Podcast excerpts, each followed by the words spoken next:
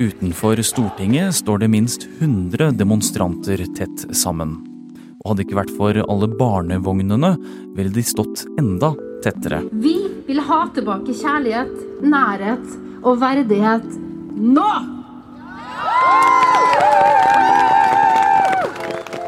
Det de roper, er slutt og kutt. Forrige uke ble det bestemt. ABC-klinikken på Ullevål sykehus legges ned, og med det et spesielt fødetilbud for mange norske kvinner. Og det har skapt rabalder. Vi nå er tiden kommet for å sette menneskene, kvinnene, barna foran pengene. Hva er greia med ABC-klinikken? Og hvorfor opprører det så mange? Du hører på Forklart. Jeg heter Philip A. Johannesborg, og i dag er det tirsdag 31. januar.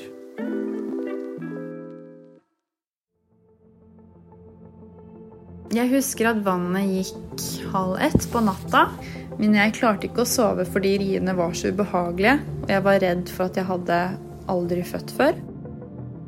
For syv uker siden var ventetiden over for Alara Haugen. Endelig skulle barnet komme, og selv om hun gruet seg til fødselen, så kjente hun seg trygg, for Alara hadde allerede blitt tett fulgt opp av jordmor på ABC-klinikken på Ullevål sykehus. Og Fødestuen er et stort rom med en stor seng og badekar. Rommet er mørkt, noe som ga en veldig avslappende atmosfære. Det er litt hjemmekoselig, og man skulle ikke trodd at dette var et sykehus. Etter at riene hadde begynt å komme oftere og oftere, og vondere og vondere, så tappet eh, jordmoren badekaret.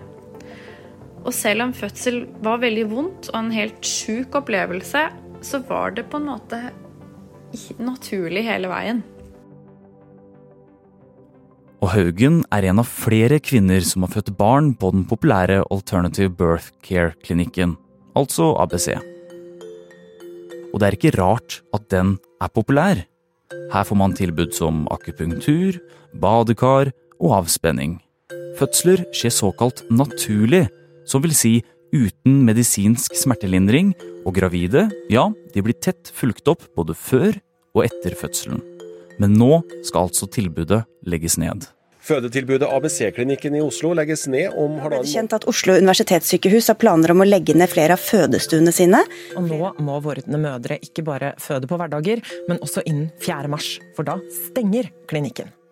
Det har jo tatt helt av, særlig på sosiale medier. En del artikler, mange influensere, skuespillere, kjendiser har gått ut og klaget på denne nedleggelsen. Så Anine Hallgren, eh, journalist her i Aftenposten, hva er det de reagerer på?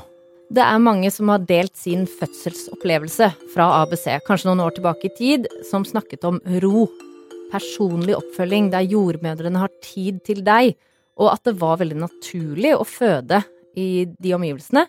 Mye mer naturlig enn på en fødestue. Eh, mange har også ment at det er helt feil å kutte i et tilbud som er populært og ganske etablert. De har faktisk holdt på i 25 år. Ordningen bør utvides og spres, men i stedet legges den ned. Penger skal spares. Jeg skjønner at også vi i helsevesenet må prioritere, men akkurat dette bør vi ta oss råd til. Samtidig som at fødetilbud etter fødetilbud legges ned. Men jeg er lei meg for at vi igjen får det trykket på svart på hvitt, hvor lite kvinnehelse er satt i fokus. Jeg er lei meg for at vi kvinner må rope I tillegg til alle reaksjonene på Instagram og Facebook, reagerer også den nybakte moren Alara.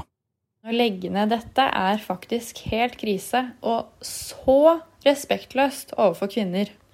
Så ABC er ikke et rom eller en avdeling. Det er en filosofi og et tankesett. Det er en institusjon med så mye kunnskap som ikke kan erstattes, men som nå legges ned. Anine Hallgren, eh, hvis ABC er så populært, eh, hvorfor legger de da ned? Hovedgrunnen er at sykehuset må spare penger. Og de mangler jordmødre. Og da mener de at da må de fokusere på hovedoppgaven til en fødeavdeling og hjelpe kvinner som skal føde, ta imot barna. Eh, I tillegg så er det færre fødsler totalt i Norge nå. Og da mener man at man kan eh, legge ned et spesialtilbud for få personer. At det er ikke en del av hovedoppgaven til sykehuset. Nei. Og nettopp derfor føler nå mange gravide kvinner at de ikke lenger kan velge naturlig fødsel, som ABC tilbyr. Men Anine, hvor store konsekvenser får denne stengingen egentlig? I fjor var det ca. én av 20 fødsler på hele Oslo universitetssykehus som var på ABC. Altså veldig få fødsler. De aller, aller fleste som føder i Oslo, er ikke innom denne klinikken.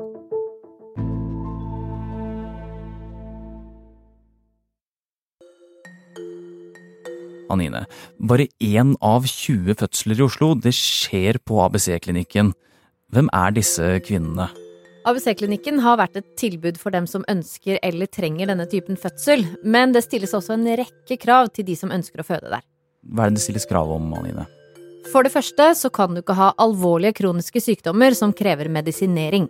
Du må være yngre enn 36 hvis det er første gang du skal føde, yngre enn 40 hvis det er andre gang.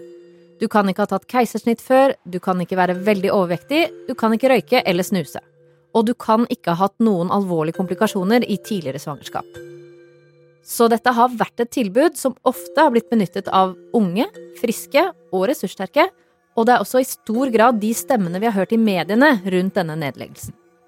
Ja vel, så mann 29 her spør uh, disse kvinnene de skal altså da miste tilbudet sitt fordi det er så få som bruker det. Finnes det ikke andre gode argumenter for at også de skal få beholde tilbudet sitt da? Jo, og det har jo vært et veldig godt tilbud, et veletablert tilbud. Men det er altså for få som får glede av det, og sykehusledelsen sier at dette er den endringen som vil føre til minst negative effekter. Men de mener også at med denne nedleggelsen så flytter man ressurser fra den friskeste andelen til de som trenger det mest. Kanskje de med risikosvangerskap og risiko for komplikasjoner. Det er jo et faktum at eh, gravide i Norge i dag er eldre, og dermed også har flere sykdommer enn de hadde tidligere. Så sykehuset mener at dette grepet gjør at det vil være flere jordmødre, like god omsorg og oppfølging til alle gravide, uavhengig av hvordan helsa deres er. Tanken bak er at det skal bli et bedre tilbud for flere på sikt. Men hovedproblemet er at det ikke er nok jordmødre. Hele Helse-Norge mangler folk. Og at vi mangler folk, ja det er et viktig poeng. Det er nemlig ikke bare ABC-klinikken som må kuttes. I midten av januar kom helseminister Ingvild Kjerkol med en klar beskjed.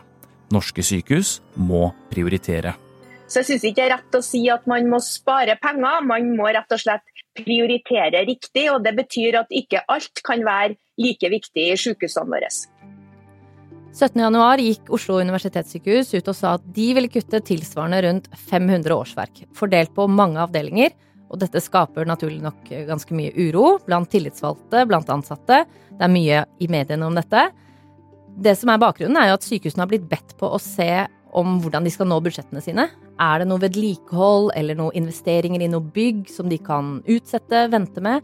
Kan man gjøre noe med den store vikarbruken i Helse-Norge?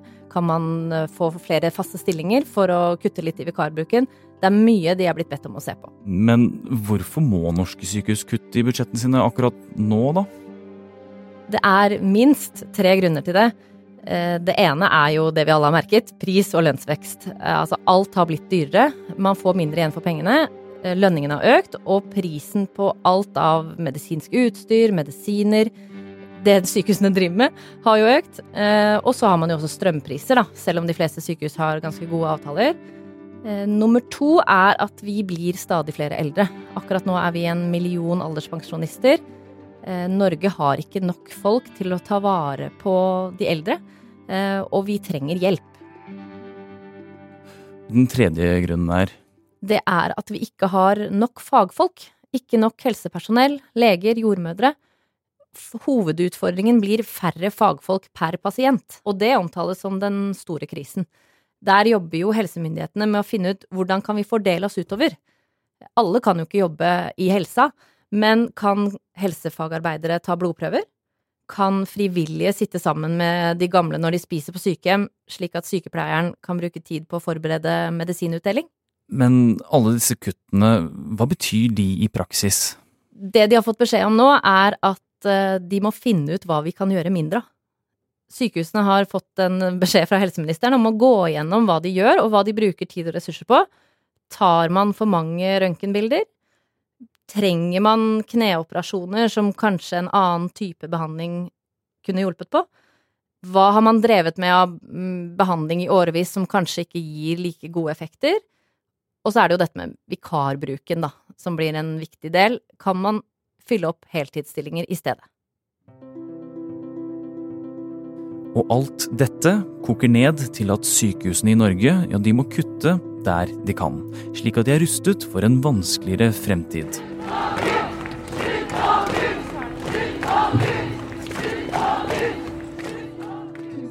Men Anine Hallgren, eh, at ABC-klinikken nå legges ned, eh, hva kan det føre til? Det kan nok være at eh, motstanden mot nedleggelsen vil fortsette. Men sykehuset har jo også sagt at de skal ta med seg erfaringene fra ABC-metoden inn i de vanlige fødslene. Så det blir jo spennende å se. Eh, det vi kanskje ser en dreining til her, er at ABC-fødsler som et spesialtilbud for de få går over i det private. Det snakkes om at flere ABC-jordmødre vil gå over til en privat fødeklinikk her i Oslo. Er det en utvikling som regjeringen ønsker da? Slike private tilbud kan jo fort koste mye penger, noe som betyr at det fortsatt vil være de ressurssterke kvinnene som kan få tak i det. Men kanskje er det den dreiningen som man ser fremover? At spesielle tilbud ikke lenger er eh, noe det offentlige skal drive med. Det er ikke tvil om at det er krevende tider i vente for Helse-Norge. Og mangelen på folk er nok det første man må gjøre noe med.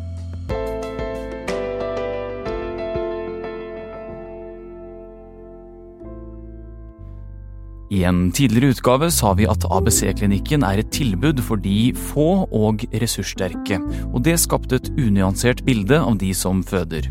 Vi har lagt inn en oppdatert og tydeligere formulering i den versjonen som du nå hører på. Du har hørt en podkast fra Aftenposten, bl.a. med Alara Haugen, som fortalte om hvordan det var å føde på ABC-klinikken. Journalist Anine Hallgren forklarte deg hvorfor norske sykehus nå må omprioritere, og lyden er hentet fra NRK, Facebook og Instagram. Det er produsent Synne Søhol og meg, Philip A. Johannesborg, som har laget denne episoden. Resten av Forklart er Jenny Føland, David Vekoni, Trond Odin Johansen og Anders Weberg. Forklart er en podkast fra Aftenposten, så sjekk gjerne ut flere av det vi har laget.